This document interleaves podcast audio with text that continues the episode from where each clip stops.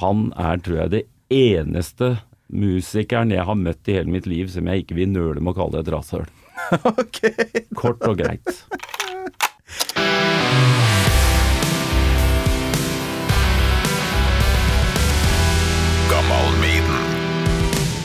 Og som sagt, da har jeg den kassetten her. Du har den der, ja? Ja. Å, Få se. Det er bare det å ta i en kassett, vet du. Det er Det er gammel. Altså den lyden her. Det er Bruce Dickinson på ene sida og Blackie Lawless på den andre. Ja, at min eh, kollega Erik er nostalgiker. Sjøl om han aldri opplevde kassettida, så har han begynt å høre på kassetter. Og han har sendt, funnet fram en Philips AQ 6350 cassette recorder. Ikke dårlig, altså. Nei, det er bra. Så nå trykker jeg på eject. Det er på side A. Der, ja. Der kommer ejecten, ja. Side A, skal vi se Lenge siden jeg har sett en sånn en sjøl, faktisk. Det må jo være eh, Jo, det er den veien her, ja. Skal vi se.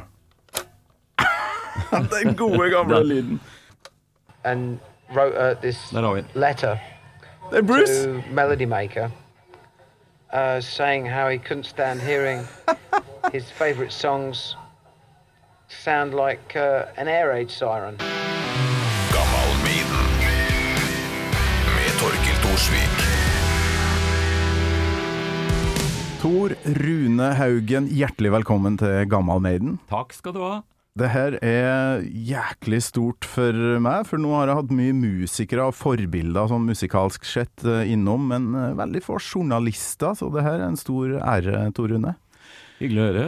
Du er jo kjent fra ja, Nå hadde ikke jeg TV Norge, for jeg kommer jo fra Gokk, men Haugen i bua, kasino, ikke sant, med Halvard Flatland og full pakke. Fotballkommentator, Kanal Pluss, og var du ikke speaker òg på landskamper og sånt? Ja da, jeg var speaker på Ullevål stadion under alle landskamper og cupfinaler og Lyns kamper i 22 år, tror jeg, eller noe sånt. Det er, en, eh, det er noen tusen som har hørt stemmen din før, for å si det sånn. Jeg er Eh, Og så var det. du òg, gå litt kjapt gjennom her, du var manager for Rockfire, som var liksom et av første bandene til Ronny Letekkerød. Så du kjenner han godt. Jeg kjenner han godt. Det skal vel sies at det er, det er veldig flatterende å kalle meg en manager for den tida. Jeg var vel mer en slags ekstra førsteonkel på sidelinja, for jeg var seks år eldre enn resten av gutta. Ja. Men uh, Roffen likte å skryte til alle rundt seg at vi har en manager, vi.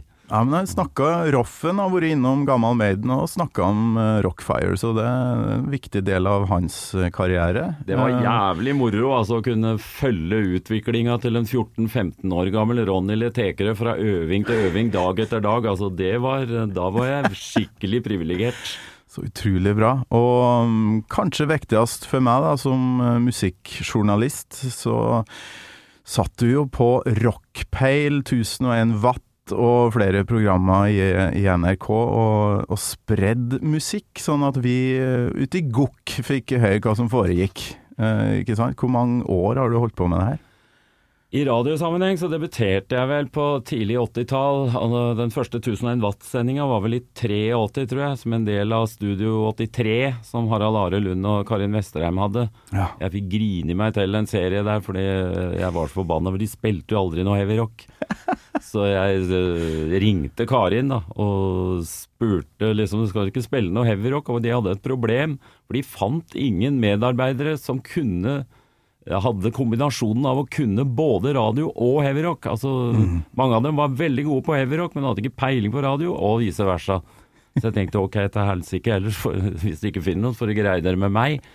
Så skrev jeg et brev og foreslo uh, med tittelen 1001 watt. Og vi ble da enige om at ok, vi lager ett program først, og funker det, så blir det en serie, og hvis ikke, så har vi i hvert fall prøvd.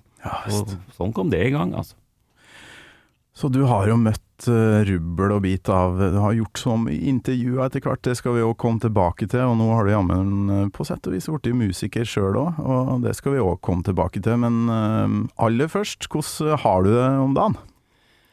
Har det i grunnen bra. Altså, helsa har fått kjørt seg litt før jeg begynner å bli en eldre kar. Eh, så jeg fikk et hjerneslag for eh, fem års tid siden. Som eh, vel satte en liten sånn osteklokke på karrieren min eh, fremover. Så nå går jeg en trygdet aldrende mann, men eh, får unna regningene mine og klarer meg bra. Så jeg bare spiller plater og ser fotball og spiser god mat og drikker god drikke og Ja, har det helt topp. så bra. Litt redusert er jeg blitt, for altså, men jeg var heldig. For altså, vi vet alle hva et slag kan gjøre med deg. Men jeg kan fortsatt kommunisere, jeg kan fortsatt bevege meg. Jeg fikk en del juling kognitivt, men uh, det skal jeg leve med. Så jeg, liksom, å skrive for hånd, det fikser jeg jo. Da skjelver jeg som et aspelaug. Ok. Samme hvis jeg løfter en halvliter, eh, da må jeg støtte med begge hendene. Og det ser ikke bra ut, altså, når liksom med skjelvende hender Ah. På puben så kan jo det se litt eh, Kan misforstås, men uh, som frilanser så regner jeg med Du var jo et helsikes uh, arbeidsjern. Er det litt godt da nå å få slappe av litt? Sånn uh, ufrivillig, da, men Jeg må innrømme det. At det, det, er veldig deilig å kunne, altså. Det, Jeg jobba fryktelig mye en periode. altså Det var ikke mye hvite felter i, i sansen min. Eller jobbsbok, som jeg kalte den. Ja, det er en lang karriere. Jeg sleit jo faktisk med å finne uh, noe Jeg har lyst til å liksom starte sånn at folk bare husker hvem du er, så jeg smekker av det eneste jeg fant på YouTube fra Haugen i bua-tida. Neimen, der er dere jo igjen, jo! Da setter vi like så godt i gang. Vi er altså tilbake igjen fra Kasinostudio. Det betyr vel del to med publikumskonkurranse, Halvard? Et stereoanlegg, Haugen, er ikke det riktig? Det er helt korrekt. Det er et uh, stereoanlegg fra JWC. Et hifi stereoanlegg i mikrostørrelse med masse bra lyd. CD-spill, digitalradio, tidsur, autorevers, kassettspill og Du var han derre stemmen, uh, rett og slett. Kom du noen gang på TV? Var det bilde av deg, eller var det bare stemmen? Halvard og jeg bytta plass i et halvt program, bare for moro skyld. Å, dere gjorde det, ja. Ja, faktisk. Så vi ble enige om at vi skulle småkrangle litt om at den jobben din kan jo hvem som helst gjøre. Så kom jeg ned ikledd uh, det samme utstyret som Halvard pleide å ha, i smoking og full greie. Ja, Han hadde på seg sånn hvite altså, Jeg fikk jo sett det, men det var litt for sjelden. Altså, alle snakka om kasino, men vi hadde jo ikke parabol, så jeg fikk det ikke inn. rett og Nei, det var, vi hadde altså herlighet. Det var altså Billettene for å være der var jo egentlig klin gratis, men vi så altså annonser i lokalaviser med folk som annonserte etter billetter og var villige til å betale 1000 kroner for å komme inn. Folk var gærne, altså. Men øhm, før den tid så har du jo da prata med blant andre mine barndomshelter Maiden og en drøss med andre rockere og musikere. øhm, så du får spørsmålet, det faste spørsmålet. Husker du første gangen du hørte øh, Iron Maiden? Ja, det husker jeg. Eh, det var på et eh, redaksjonsmøte i Nye Takter, som jeg skrev for på den tida der. Eh, og da ble, jeg tror det ble spilt en låt eller to derfra. Ja. Eh, men jeg må faktisk villig innrømme at jeg eh, Det er nesten fælt å si, men jeg, jeg, jeg var ikke noe kjempefan av de tidligste platene deres. Å nei! Så Paul Diano-tida gikk litt under radaren hos meg. Jeg likte eh, Phantom of the Opera og, og litt sånt, og syntes det var ålreit. Ja. Men uh, det var ikke egentlig på de to platene jeg tok av og ble reell Maiden-fan, altså. Ok, men uh, Så den første gangen her var fra de, en av de to første, eller? Ja, det var fra den første. Ja, ok. Det er jo så var jeg på Du vet, jeg gikk jo på fester eh, blant heavyrockere som jeg var på fest sammen med. Mm. Så jeg tror faktisk Transylvania var det første jeg hørte. Oi! Ja, men Uvant nok. det er en favoritt hos meg, altså. Ja, den Eh, er faktisk- Instrumental. Ja, den er kjempetøff og skiller seg ut sånn sett, da. Mm. Men uh, Phantom of the Opera var nok den jeg spilte mest. Ja.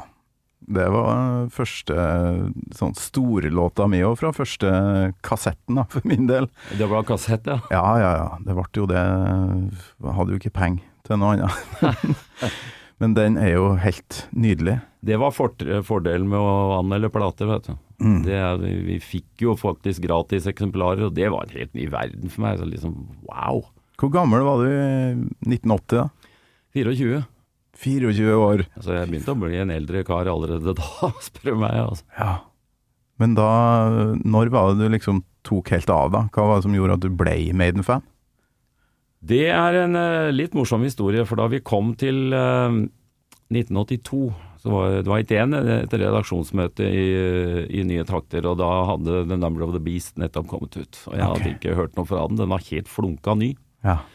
Vi fikk tilsendt en ekspress, og jeg fikk klar beskjed om at jeg skulle anmelde den. Og som jeg fortalte deg, så hadde jo ikke jeg vært noe gedigen Maiden-fan egentlig på noen av de to første. Det var ok, men det var ikke noe jeg tok av på.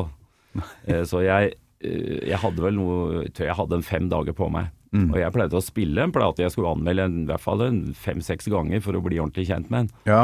Men jeg, siden jeg ikke var noe særlig fan av de to første, så ble den plata stående borti øh, kroken og samle støv i evigheter. Og liksom det, jeg fikk aldri begynt. Nesten så jeg grua meg. Men så det var vel halvannet døgn før jeg skulle levere anmeldelsen, så tenkte jeg nå, nå må jeg komme i gang. ja. Og, så jeg satte på den plata, og ut kom Invaders, og jeg må si at jeg har aldri skjønt hvordan de kunne finne på å åpne den plata med den dårligste låta på hele skiva. Så jeg tenkte å herregud, så skal jeg orke meg gjennom alle disse gangene her. Men så kom Children of the Damned. Ok. Og da løfta jeg blikket. Og altså, det var jo altså, du, du kjenner den jo selvfølgelig. Altså, det er en fantastisk låt og et riff som Og det skrev jeg altså i anmeldelsen, at riffet ville Tony Iommi vært stolt av. og da tenkte jeg ok, da er det én knallåt her, kan det være flere? Og så, med unntak av Gangland, så viste det seg at resten var jo femstjernerslåter on parade. Ja. Sånn at jeg hadde kommet meg gjennom uh, Run to the Hills og tittelsporet, og så var jeg kjempefornøyd allerede, og så kommer Hallowed Be Thy Name som en avslutning. så da, da var jeg hekta. Så da, jeg spilte jo ikke annet. Så de neste par ukene så jeg spilte den ikke fem-seks ganger, jeg spilte den vel nærmere 20. Jeg fikk rett og slett ikke nok. Og det Du var, var en eh, av de første i Norge som fikk høre det her, da. ja, det var jeg nok. Og 'Children of the Damned' var helt klart den låta som uh, fikk snudd meg i riktig retning, altså. Det er ikke noe hemmelighet lenger da at det er den du har valgt deg til den episoden her, så vi må jo bare få litt sånn åpningsstemning her.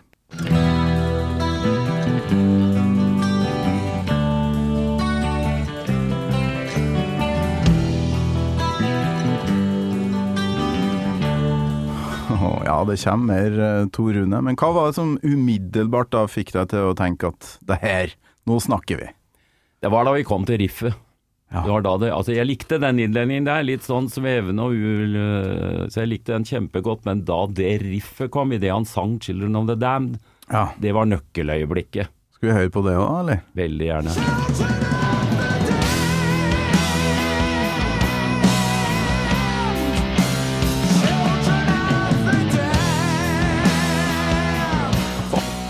Det er sånn seigt, litt sånn Sabbat. Ja, nemlig. Det var akkurat sånn jeg tenkte at oi, jøss. Og altså, det at Tony Iommi ville vært stolt av et riff, det er et kompliment i min bok, altså. Ja. Jeg mener jeg har lest at uh, en av inspirasjonene til den låta her er ei anna Children-låt, som vi kan høre en snutt av her. Reaching for the stars,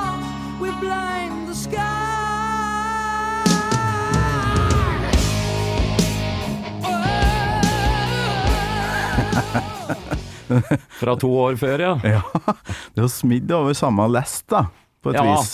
det er den. Og øh, altså, jeg har ikke spilt de to opp mot hverandre før du gjorde det nå, men det er klart når du hører måten Ronny James Dio synger på, så er det flere inspirasjonskilder enn bare riffet som er ute og går her. Ja. Så 'Children of the Sea' er jo en kjempelåt fra den siste virkelig knallplata Sabbath øh, lagde før de gjorde comebacket med øh, 13, da.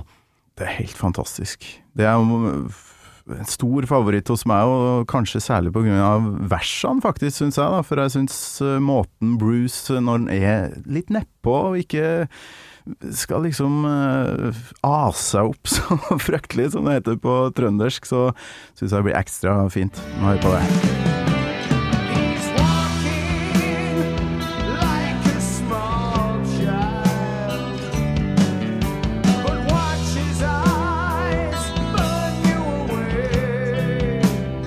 Tar det med ro her. Det er nesten rart å tenke på at den øh, første plata som Bruce Dickinson sang på, også var den siste som øh, Clive Burr spilte trom trommer på. Eh, nesten synd vi ikke fikk høre mer til den kombinasjonen. For jeg, jeg syns Burr var veldig bra. Jeg liker jo selvfølgelig McBrain også. Uh, de er jo veldig forskjellige stil, de to.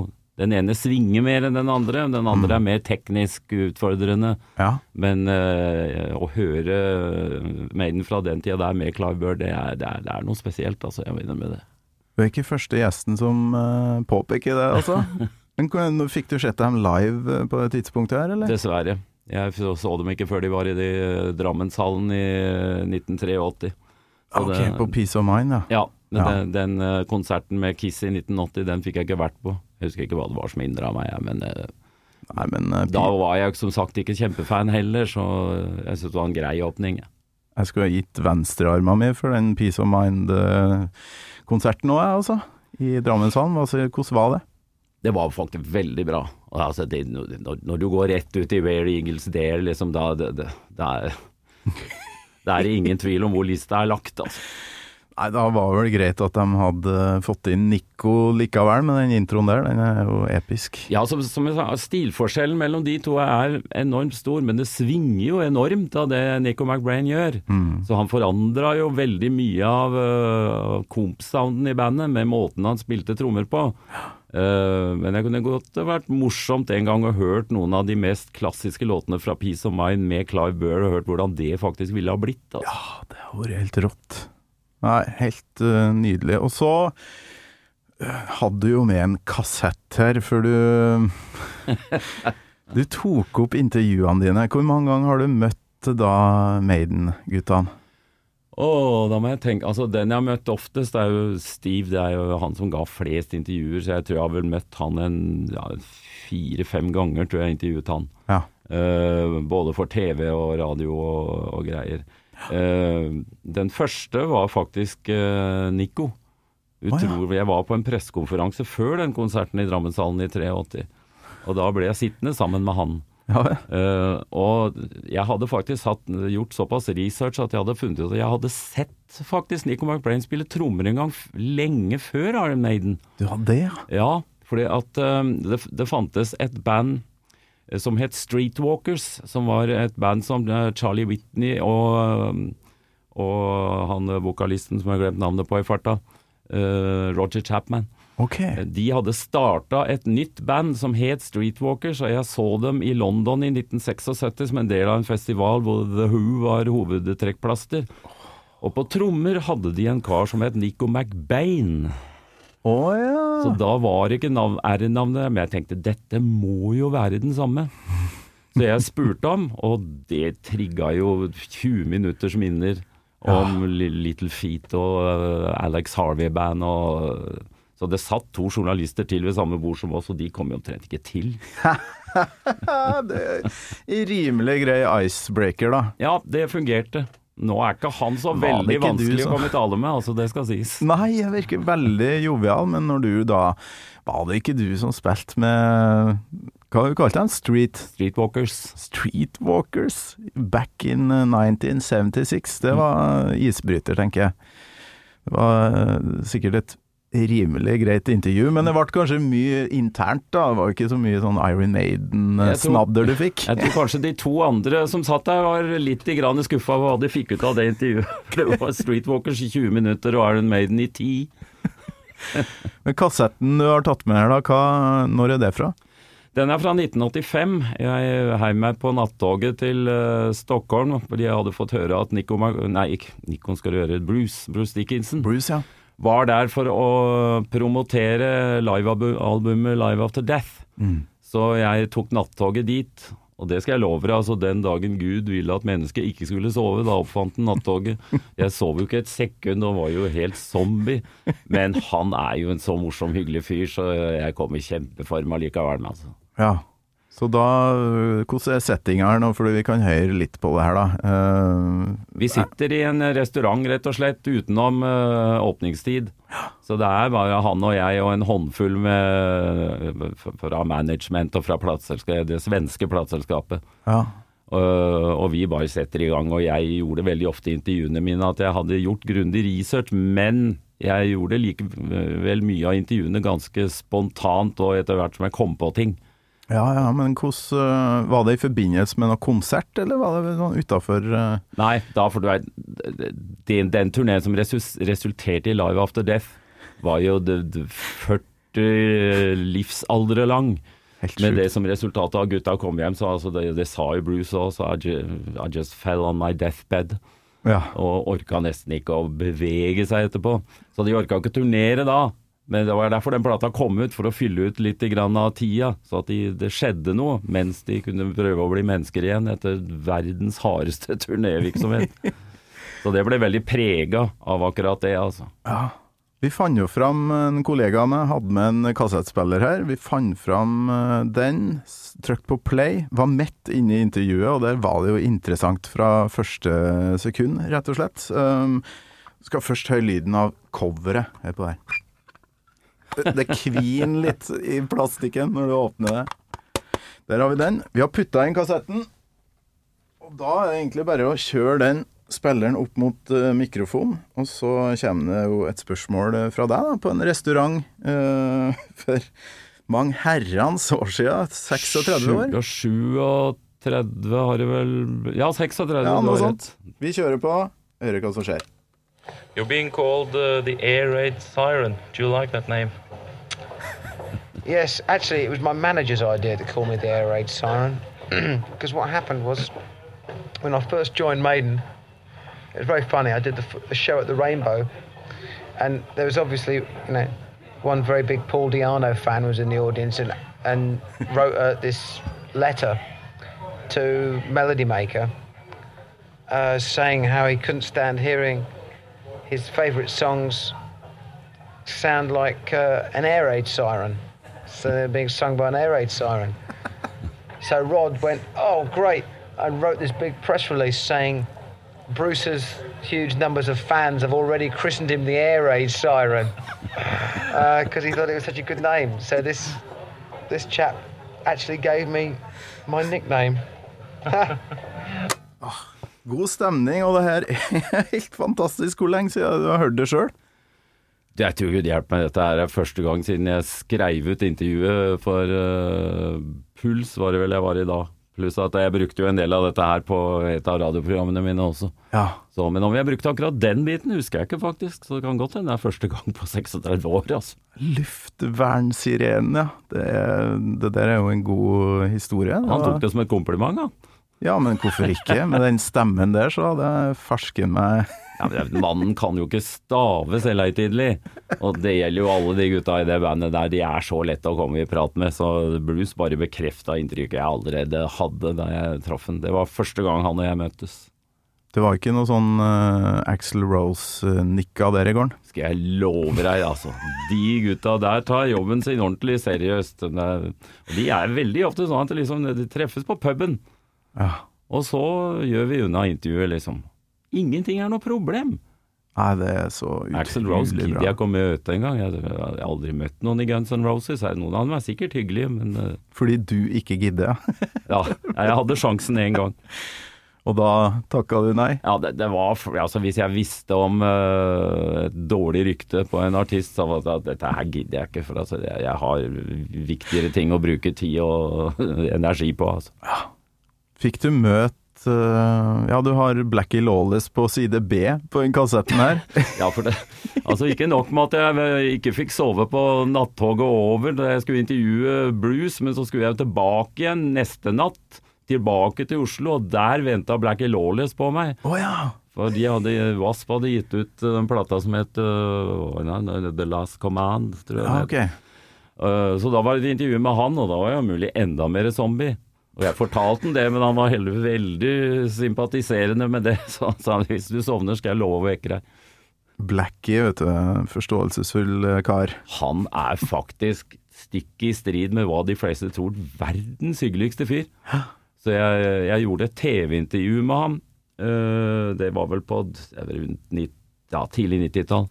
Uh, og det TV-programmet gjorde jeg for TV Norge. Jeg hadde glemt hele programmet, men for et år eller to siden så fant jeg plutselig det helt tilfeldigvis på YouTube. Ja. Eh, Det var et program på rundt en halvtime. Eh, Og jeg var helt forbausa over hvor bra det var. Men det var i veldig stor grad fordi Blackie Lawless var altså så på, Ja. og hadde så mye å melde, at det ble faktisk en, eh, en fornøyelse. Så jeg tre-fire ganger tror jeg våre veier krysses. Men dette var nok den mest hektiske perioden. Ja.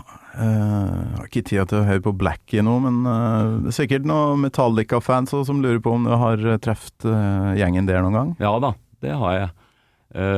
Jeg tror første gangen var da de var her sammen med Anthrax og skulle spille i Skedsmohallen. Okay. Den, den konserten. Den, ja. Ja. Så jeg intervjua Anthrax tidligere på dagen, og så traff jeg Det var, var Kirk Hammett var den første jeg ble sittende sammen med der. Mm. Senere så har jeg også møtt dansken.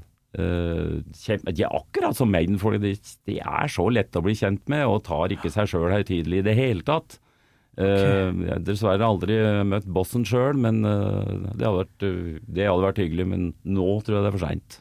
Jeg har passert den i en korridor, men uh, eneste som var frisk nok til å møte meg, var den nye bassisten Rob Trujillo, da. Som Ja. er verdens hyggeligste kar, så det var helt, helt greit, egentlig. Tror ikke jeg hadde fått fram et ord der hvis eh, James hadde sittet der. For det er liksom Altså det, er, det, det sies at uh, du bør ikke treffe heltene dine fordi det er så lett å bli skuffa, men jeg må innrømme at jeg har faktisk ikke et en, eh, Når det gjelder helter, altså folk som er viktige for meg, mm. så har jeg aldri hatt en nedtur. Jeg har møtt folk som har trodd de var noe, men som ikke var det. Okay. Og de uh, lærte jeg meg veldig fort å spotte. Det Som var- for eksempel, er det noen som ble noe, eller? Det var et band som het Kingdom Come.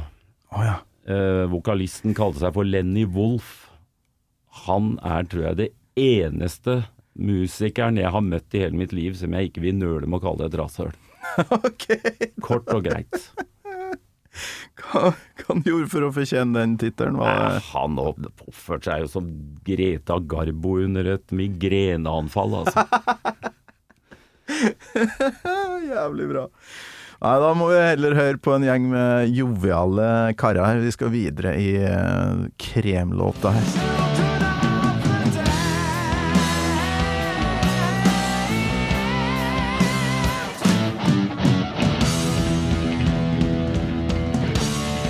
For den har noen overraskelser, vet Ja. Noen flere tema her. Veldig tøft når de eh, øker tempoet der og du får den intense avslutningen. Ja. eh, som leder opp til klimaks og alt sammen. Altså, det er jo en sånn en metal-låt virkelig skal være. Altså, du har variasjon, du har det snille og det slemme, og det er uforutsigbart. Plutselig skjer det noe som setter deg helt ut. Jeg elsker sånne låter som viser både det såkalte snille og slemme sida av et band. Led Zeppelin var på mange måter det bandet som innførte akkurat den biten. For du hadde låter som uh, var helt rolig, og så plutselig sier det bare pang. Eh, og det var mye av grunnen til at jeg likte dem som altså dynamikken. Det er ordet. Dynamikk. Ah. ja. Og Maiden er veldig flinke på akkurat uh, den biten der. Det hendte at noen av låtene deres ble litt overlange. Så jeg fikk litt vondt i huet mot slutten av Rime of the Ancient Mariner første gang jeg spilte den, må jeg innrømme. Men eh, Så du hører ikke på de nyere tinga, kanskje? For der eh, går det Der holder de på ganske lenge. jeg har noen av dem. Ja. Det har jeg. Men altså, nå har jeg jo mista litt kontakten med Jeg har ikke fingeren i bakken lenger på samme måten som jeg hadde før. Nei. Da er vi to. Men, ja, ja, ikke sant. Men altså, det, hvis noen stikker til meg i Maiden-skive, så hører jeg på den og finner mye jeg liker. De er de hadde, Jeg er egentlig mindre interessert i si, den mellomperioden deres. På sen 80 og litt utpå 90-tallet. Da syns jeg Maiden begynte å bli kjedelig, for å være helt ærlig. Ja. Og så plutselig kom hele denne sekstetten sammen igjen. Og Brave da New World. Ja, nemlig. Ja. Rundt den tida der, Uh, A Matter of Life and Death, liksom. Da plutselig begynte de å finne igjen uh, den gamle grooven. Eh, så jeg syns det er veldig mye fint på de platene, men jeg spiller dem ikke på langt nær så mye som jeg spiller låtene, skal vi si, fra Live After Death og bakover. Med eh, Power Slave og Peace of Mind og Number of the Beast. Det er liksom mine tre virkelige store Maiden-favorittplater. Jøss. Da har vi noe til felles. Det er vel ikke tilfeldig at podkasten har navnet Gammal Maiden. Jeg ble veldig letta da jeg så det. Men da en annen ting som skaper dynamikk, er jo at det ofte er to gitarsoloer med Maiden. Det var Dave og Adrian, Dave og Adrian, men så plutselig, av og til, da, så planlegger de en sånn twin-greie som vi skal høre på nå, på Children her.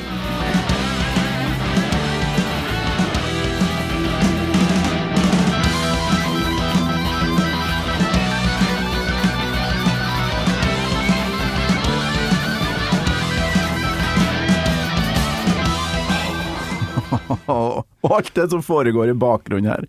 Tromme, tromminga til Clive Burr her. Så det det skjer ting, og akkurat det med tvillinggitar var jo noe jeg var litt oppvokst med. For altså, jeg er jo gammel nok til å liksom øh, følge med da band som Wishbone Ash og etter hvert også til Lizzie Ja. begynte å innføre akkurat den tvillinggitarstilen som jeg elska og ikke fikk nok av. Så da Maiden begynte å kjøre opp øh, sånne ting, så da, da var jeg klar, altså.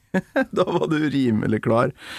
Um, nå um, jobba du ganske tidlig da med um, altså Ronny, Ronny og, og co.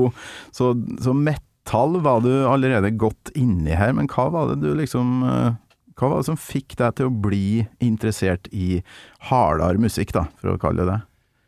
Jeg tror nok uh, Litt blanding av uh, Her er vi helt tilbake på urtiden på 60-tallet.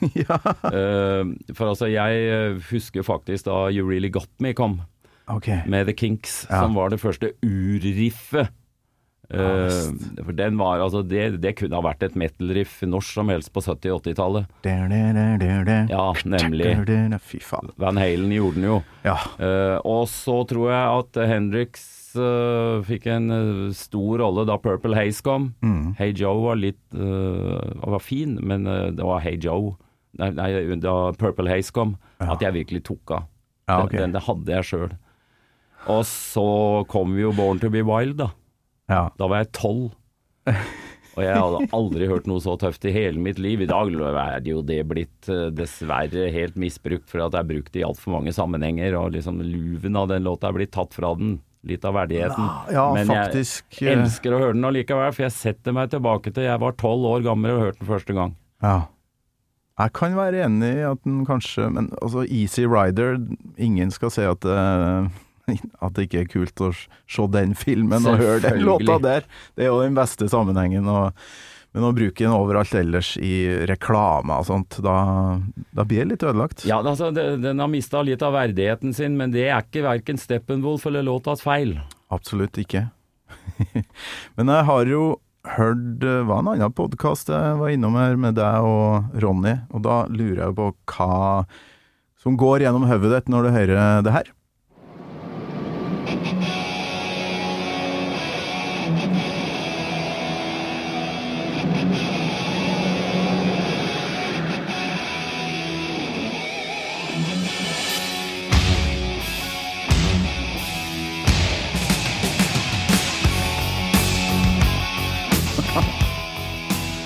Ja, Her er det historie. ja. Rett og slett for at i, på sommeren i 1974 så skulle Rockfire ha en liten gjenforeningskonsert ja første bandet til til, til Til Ronny. Ja. Det, det band som jeg var en slags eh, manager for, da. Ja, ja. Eh, så jeg kom ned og skulle være til stede på den, og da kommer uh, tekeren og henter meg, og idet vi kjører av gårde i retning av konsertstedet, så setter han på en kassett med kompet til den der. For på det tidspunktet var det ingen som visste hvem Tony Harnell var. De hadde ikke vokalist på den tida der. ja, du sa 74, men nå er det 84 du Unnskyld. Ja, ja, ja. 84, helt okay. definitivt. Og da, da jeg fikk høre den, så eh, tenkte jeg "F- er- Jeg holdt på å kjøre av veien. Det var så tøft, og Roffen elska jo reaksjonen min, ikke sant. Så jeg, de, lei- de var på leiting etter vokalist på det tidspunktet. Dette var rett og slett Det var 16. mai 1984, nå husker jeg det. Jeg overnatta hos Roffen uh, natt til 17. Og da husker jeg, nå skal jeg fortelle en hemmelighet. Fordi at Tony Harnell var faktisk ikke den første mannen de tenkte på som de prøvde, eller ville prøve ut. Okay. For jeg husker at jeg, da jeg skulle reise, så fikk jeg en konvolutt i handa med en kassett inni, med beskjed kan du dra innom og poste denne. Og den var adressert Gary Barden, Gary Barden som sang i Michael Schenker Group. Ja vel, ja. Rett og slett for å bare ta kontakt og sondere. Ikke fordi at han var på, men han var en av de mange de ville sjekke ut. Ja, så klart, når du har det her på tape og begynner å høre for deg litt sånn hvem kan passe, så må du jo teste ut flere. Nemlig. Så det var tanken.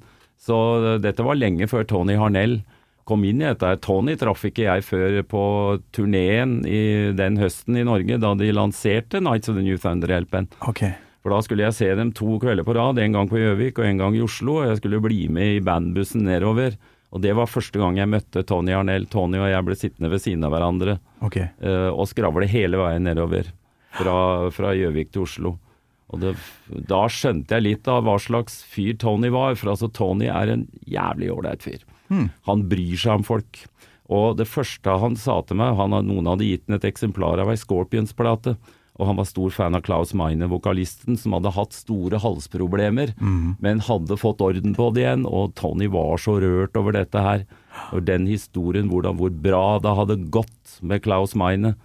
Så han snakka ikke om seg sjøl omtrent i det hele tatt. Det var Klaus Meine han virkelig så unte å, å få ordentlig stemme tilbake igjen. Ah. Det var mitt første inntrykk av Tony Harnell, at dette er ikke en fyr som snakker så mye om seg sjøl nødvendigvis.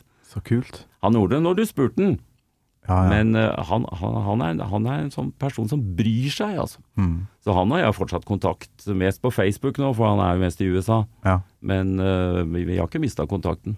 Men uh, du som da har sittet i en bil og hørt hele Seven Seas av TNT, kun kompet da, som er fett nok i seg sjøl, hva tenkte du da du fikk høre Tony Harnell sin versjon da, første gangen? Eh, helt perfekt stemme til låta. Uh, altså Egentlig er ikke jeg så veldig begeistra for sånne kastratsangere, og han fikk mye tyn i norsk presse for det. Han Men- går jo langt faen oppi der. Det er det han gjør. Og, men det passer så godt til eh, låtene. For altså, den, eh, for altså det, Tekerøen har hadde en usedvanlig fin gitarklang på den plata. Mm. Og da må du faktisk ha en stemme som er en viss kontrast til den, det Når Roffen ligger der nede. Han, han gikk opp og så kunne spille, plukke bær eh, fortere enn de fleste. Plukke bær. Men riffene hans på den tida der var helt krem og passa så bra til eh, Tonys eh, stemme. Ja, altså Seven Seas-refrenget der syns jeg ligger perfekt uh, i det leiet som Tony Harnell kanskje burde ha ligget mer i. Den derre We are rulers of the ocean Med den koringa.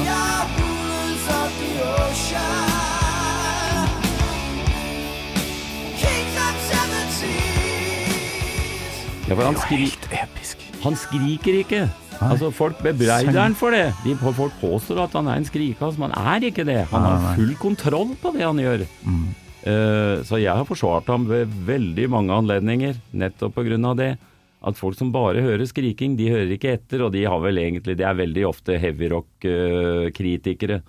Altså folk som da ikke kan fordra heavyrock, ikke sant. Ja, ja, ja. Som leiter etter alle mulige årsaker til å få øh, drite ut folk, altså. Men det orka jeg aldri å bli med på. Du ba meg òg, for du har Du kjenner Ronny Letekkerød godt.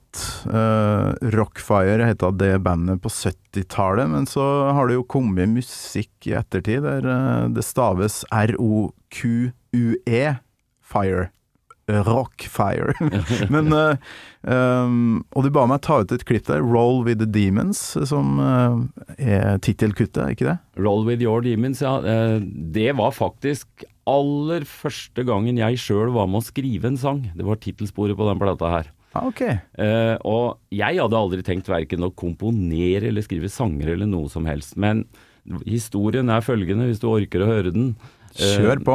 Eh, Roffen tok kontakt med meg og fortalte at Rockfar hadde begynt å spille igjen, og at de hadde spilt inn fem låter. Da ante jeg ingenting. Okay. Og han sendte meg de fem låtene, filer på nett, og jeg syntes det var kjempemye tøft. Eh, men så forteller han at de, de har én låt til som de har eh, bare et lite riff til, som de har lyst til å gjøre noe ut av. Så jeg ble invitert til å komme opp da, i studioet hans og være med og til stede da de gjorde dette her. Ok. Ok, så spilte vi inn hele låta instrumentalt igjen. Vi hadde en vokalist, men ingen tekstforfatter. Og jeg tenkte at dette her kan da ikke være en instrumentallåt. Og da begynte å nærme seg slutten av studiotida, og Roffen gikk på kjøkkenet for å lage en av sine berømte 98-oktans supper. Og ingen andre lot seg til å bry seg så mye om tekster eller noe som helst. Og så hører jeg meg sjøl si 'slapp av, jeg tar teksten'. Og ute regna det. Jeg gikk ut i det regnet med en penn og et vått papir og skribla ned på, i løpet av et par minutter tre vers. Ja. Eh, og så viste det til vokalisten, uh, Harald uh, Grefsrud Ensrud. Okay. Han likte det han så. Han og jeg pluss teknikeren fortalte ikke noe til de andre, gikk bare i studio, sang det inn. Og spilte det for gutta etterpå. Liksom plutselig Wow! Ronny Teker og Tor Rune Haugen hadde skrevet en låt sammen. Så det endte med at vi skrev totalt fire. Og da, da fikk jeg virkelig inspirasjonen. Men det er mye eh, Roffens evne til å, å skal si, hente fram ting i deg eh, som du ikke visste om sjøl, og uten egentlig å verken foreslå det eller noe som helst. Men det er, det er bare et eller annet med den fyren som inspirerer deg til å hente fram og prøve ting du ikke har turt å gjøre før. Så det var starten på meg som øh, eventuell låtskriver og tekstforfatter, var akkurat den låta her, 'Roll With Your Demons'. Lik på Spotify overalt, så det her anbefales å høre på. Jeg har litt refreng og litt uh, Roffen her, da, regner jeg med.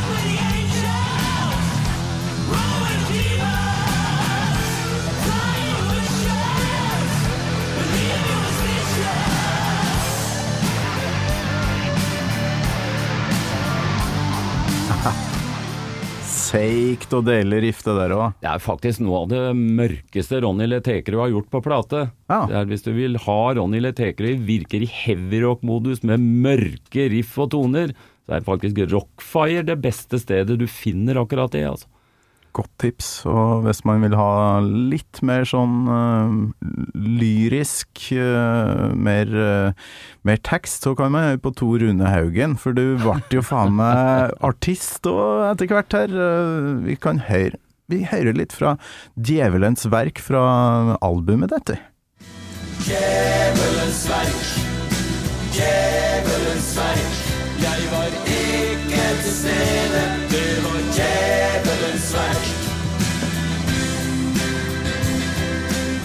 Var ikke til stede, nei.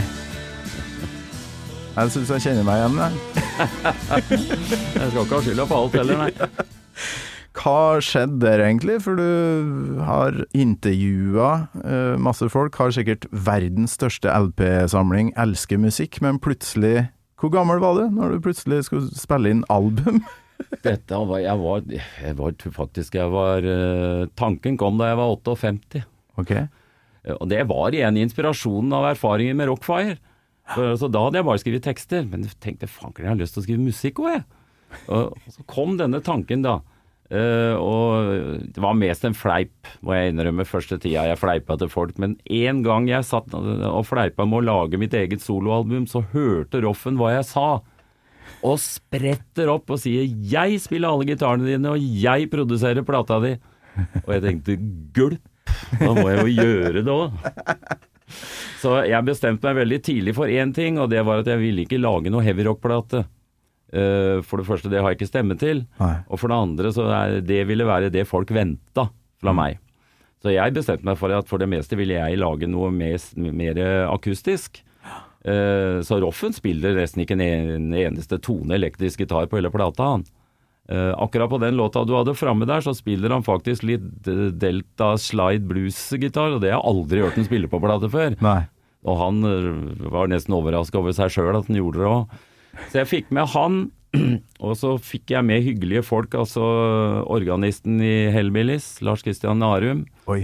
Jørund Bøgeberg, som jo har spilt med det som er. Trond Augland på trommer, og litt gjester. Bjørn Kristiansen fra Aunt Mary på et par låter. Pluss at jeg er jo, det er kanskje mange av heavyrock-lytterne her som ikke vet, men jeg er en gammel folkrocker. Stor fan av Fairport Convention fra 60-70-tallet, og de hadde en felespiller som var min store helt. Han var på det tidspunktet blitt 74 år, Ja. hadde slutta å spille. Men jeg tenkte jeg hadde litt kontakt med ham, så jeg tenkte jeg hørte muligheten for en feletone på en låt eller to. Jeg tenkte kan jeg spørre? Så jeg sendte av gårde en mail og tenkte jeg kan ikke få noe verre enn nei. Og det gikk 30 sekunder, og fikk jeg svar. Klart det! Kjempemoro! Send filer! Jeg legger på her i England og sender oppover igjen. Så ved hjelp av Dropbox, vips, så hadde jeg Dave Swablik på to låter på plata mi.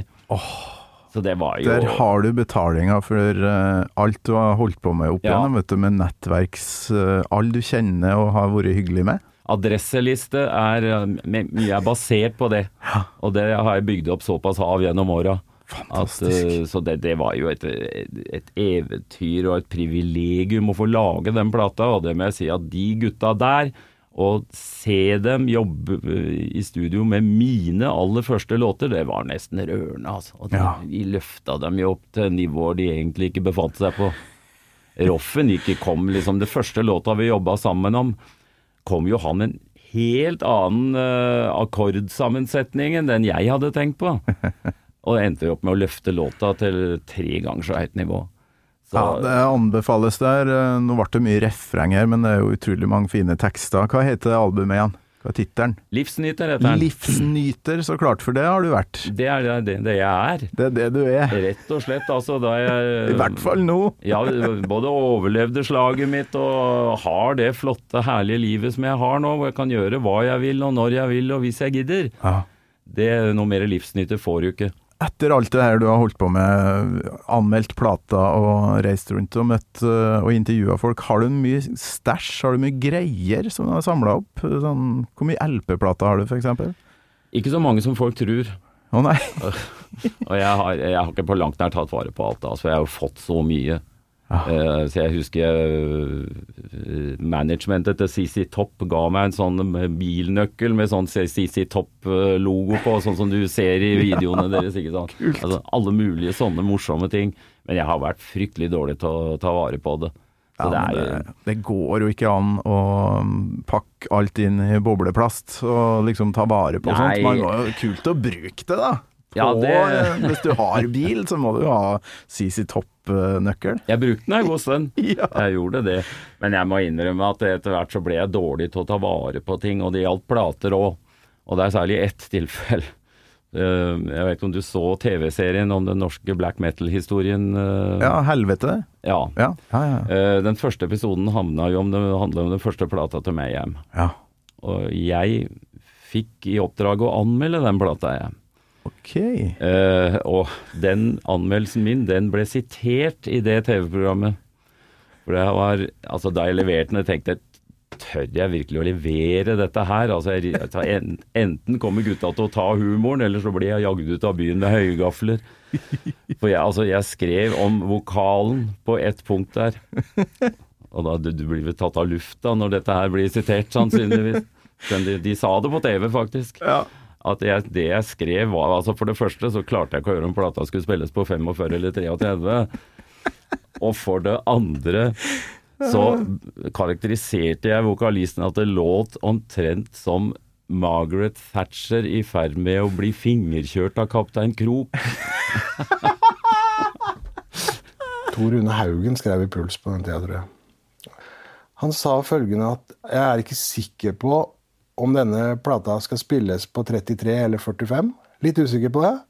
Men uansett hva jeg gjør, så høres det ut som om kaptein Krok fingerpuler Margaret Thatcher. Det var hele anmeldelsen. Og det, Ikke så, ikke så langt fra sannheten det, da. For Nei, altså, det- når det der dukka opp på den tida, så var det jo ganske vanskelig å høre på. De hadde tipsa meg i NRK om at det, For det første de spurte om jeg hadde den anmeldelsen, det hadde jeg ikke. Men de sa at det kommer til å bli litt snakk om den. Så da jeg satte meg ned og skulle se det programmet, tenkte jeg hva, hva skjer nå? Blir jeg hengt i. Men eh, til min store glede, det var vel, jeg tror, jeg lurer på om det ikke var vokalisten som fortalte dette her. Og han han lo seg i hjel. det- det- det- det- ko- Helt konge, jo! Ja, de- Fantastisk De elsker det! det er veldig Så bra. jeg, altså, etter å ha sett det programmet, jeg klarte ikke å sove. Jeg lå hele natta og lo meg spent i hjel av den herlige reaksjonen som de gutta hadde hatt på akkurat det der, altså. Det var liksom Yes! Han er helt konge, jo. Er jo fantastisk anmeldelse. Ja, det er bra folk, vet du. Ja, det- det, ja, altså- setter jo ikke å Ja, dessverre aldri møtt dem. Jeg skulle veldig gjerne ha møtt et par av dem altså for å snakke om det der, for det, det, det, det var en så herlig humor du la for dagen. Altså. Må du jo få til. Jeg har jo hatt Jørn Stubberud fra Mayhem innom her, og maken til ja, selvironisk kar. Kjempebra, ass. Ja, det var en nesten trist historie, for eh, rett etter anmeldelsen så fikk jeg et brev, og det tror jeg var fra han som ble drept. Å ja, så du fikk brev fra Ja. Øystein Aarseth. Ja, Jeg tror det var han. Jeg, jeg skal ikke sverge på dette, for at brevet ble jo ikke værende. Jeg la det opp i LP-coveret, og det har jeg jo solgt eh, etterpå. Å ja. Og ettertiden har jo lært meg at eh, ett eksemplar av den originalen, kunne jeg tjent nok penger til å kjøpe Vatikanet. ja, muligens. Ja. Så, men eh, der skrev han Var det han den som ble rosa, eller er det Ja, stemmer. Ja, det er den, ja. Akkurat den rosa utgaven var det jeg hadde. Mysteris Dom Satanas. Nemlig. Ja. Og han var, han, han var helt Han hadde ingen problemer med anmeldelsen eller noe. Han syntes det var kult. Ja, så bra. Så det, Og så jækla synd at du ikke har den. Ja, nemlig. Er akkurat den skulle jeg gjerne hatt, det eksemplaret med det. Men en eller annen fyr har det. Det ble solgt på en platemesse i Oslo, tror jeg. Å, fy faen. Og så ligger det brevet der. Ja. Det er litt tungt Vi- å tenke på, egentlig. Hvis vedkommende skulle høre oss nå, så ta gjerne kontakt. Gjør kanskje det, vet du. Ta så Ring på han Tor Rune Haugen, du. Så ordner det seg, det her. Um, så ikke så mye LP-er, men er det sant at du har slåbroken til John Lennon? Nei, den har jeg sett på film. Den øh, vet jeg ikke om er rein nok til at jeg ville hatt den. Nei, jeg har dessverre aldri møtt noen i Beatles. Eh, Jeg skulle ha gjort det én gang, for dette var var noen år etter at Lennon ble skutt, så skulle Paul McCartney komme inn og gjøre presse, men managementet sa klart ifra at da må forutsetningen være at det er hemmelig. Ingen må få vite at han kommer, for han er fortsatt veldig tens på akkurat det der med hva som skjedde med Lennon. Ja. Og, men jeg var plukka ut som en av de som skulle få treffe ham. Okay. Og så da, geniene i VG går da ut, ikke bare forteller at han skal komme, og hvilken dag han skal komme med flyet, men hvilket fly han skulle komme med. Såpass, ja. Det sto på førstesida i VG. Og da gikk det vel et kvarter, så ringte managementet og meldte avbud. Det der er ganske ødeleggende for en journalist som prøver å jobbe seg opp et renommé. Takk Hva i helsike? Takk skal dere faen meg ha, VG, altså. Jeg har aldri tilgitt dem etterpå. Nei, det skjønner jeg jævlig godt. Men jeg, jeg, Trigger-happy på sånn derre 'vi skal være først'-greie, og så går man jo glipp av ganske mye Nei, annet. det er for noen idioter, altså, for å si det rett ut. Nei, Det, er, det, går an altså, å bli så eh, lite De mista jo intervju sjøl òg. Det er klart, det. Gudskjelov, det var den eneste trøsten jeg hadde. Artig å høre på alt det der. Grunnen til at jeg spurte om den her slåbroken, var at det ble vel nevnt i en eller annen uh, ringetelefon, ja. Ja, nå skal jeg, Du kan slå av den, mens jeg skal jeg stoppe den med det samme. Hvilken Sånn. melodi var det der? Det var en Gentle Giant-låt som Ja, heter eh, Talibant. Kult. Jeg er stor fan av prog-bandet. eh, Ja, det prog progger, ja. Å ja, Ja, veldig. ja, ja. Nei, jeg hørte jo i en eh, Jeg tror det var en podkast fra noen avis oppe i Toten eller noe sånt, som der eh, Ronny Letekkerød nevnte at eh, du har uh, slåbroken til John Lennon, men det er altså en slags spøk, det da. Jeg tror det var hans måte å si at jeg har mye rart på. Ja. Men jeg tror han er nærmere slåbroken til John Lennon enn jeg er. Altså. Han er jo stor Beatles-fan, og det er jo jeg òg. Ja. Men hva er det Hva er liksom den derre juvelen eh, som, som står på hylla di hjemme, eller noe, noe fett fra karrieren din? Det er mye rart, men det ligger veldig mye nedpakka. Ja. Pappeska i eh, boden. Ja, og det er mye jeg ikke har tatt vare på. Altså. Her bor det lass med T-skjorte. Jeg, fant faktisk, det var helt tilfeldig å ha på meg en Iron Maiden-T-skjorte i dag, faktisk. Se der. Dance of Death. Uh... Oi, hvor fikk du den? den fikk jeg, tror jeg, plateselskapet. Jeg har faen ikke sett den. You dancing? Ja. Spørsmålstegn. Står det Dance of Death og Iron Maiden-logo på baksida. Ja visst. Ja, den har jeg aldri sett før. Rød og greier. Nei, jeg tok den på meg uten å tenke meg om, og så akkurat idet jeg var på vei, tenkte jeg å pakker, det passa jo faktisk veldig bra. Ja, veldig bra. Nei, Det her har vært en sann glede, men vi har jo ikke hørt slutten på den eh, episke låta. Det må vi gjøre.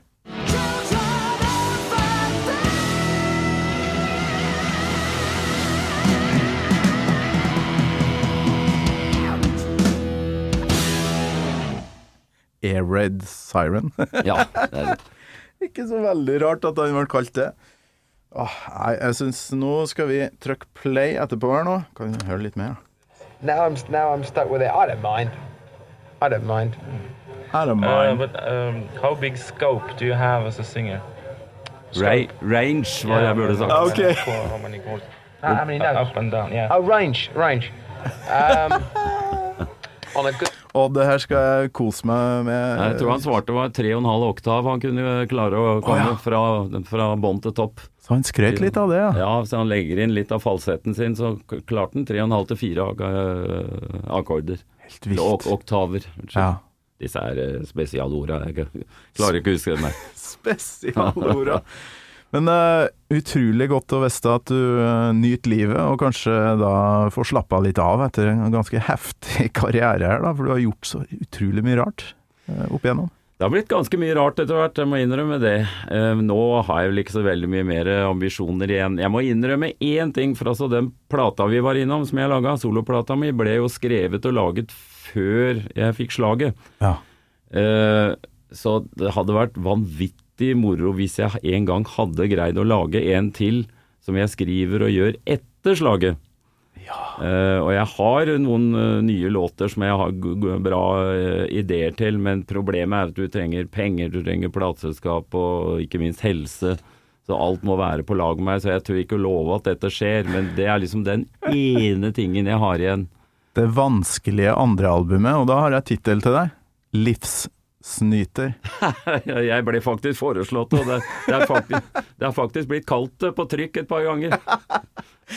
Jævlig bra. Tor Rune Haugen, hjertelig takk for besøket. Var en fornøyelse. Gammal Maiden med Torkel Thorsvik. En podkast fra Radio Rock. Og at vi fikk liv i den gamle kassettspilleren. Det, er, det står inngravert på baksida her.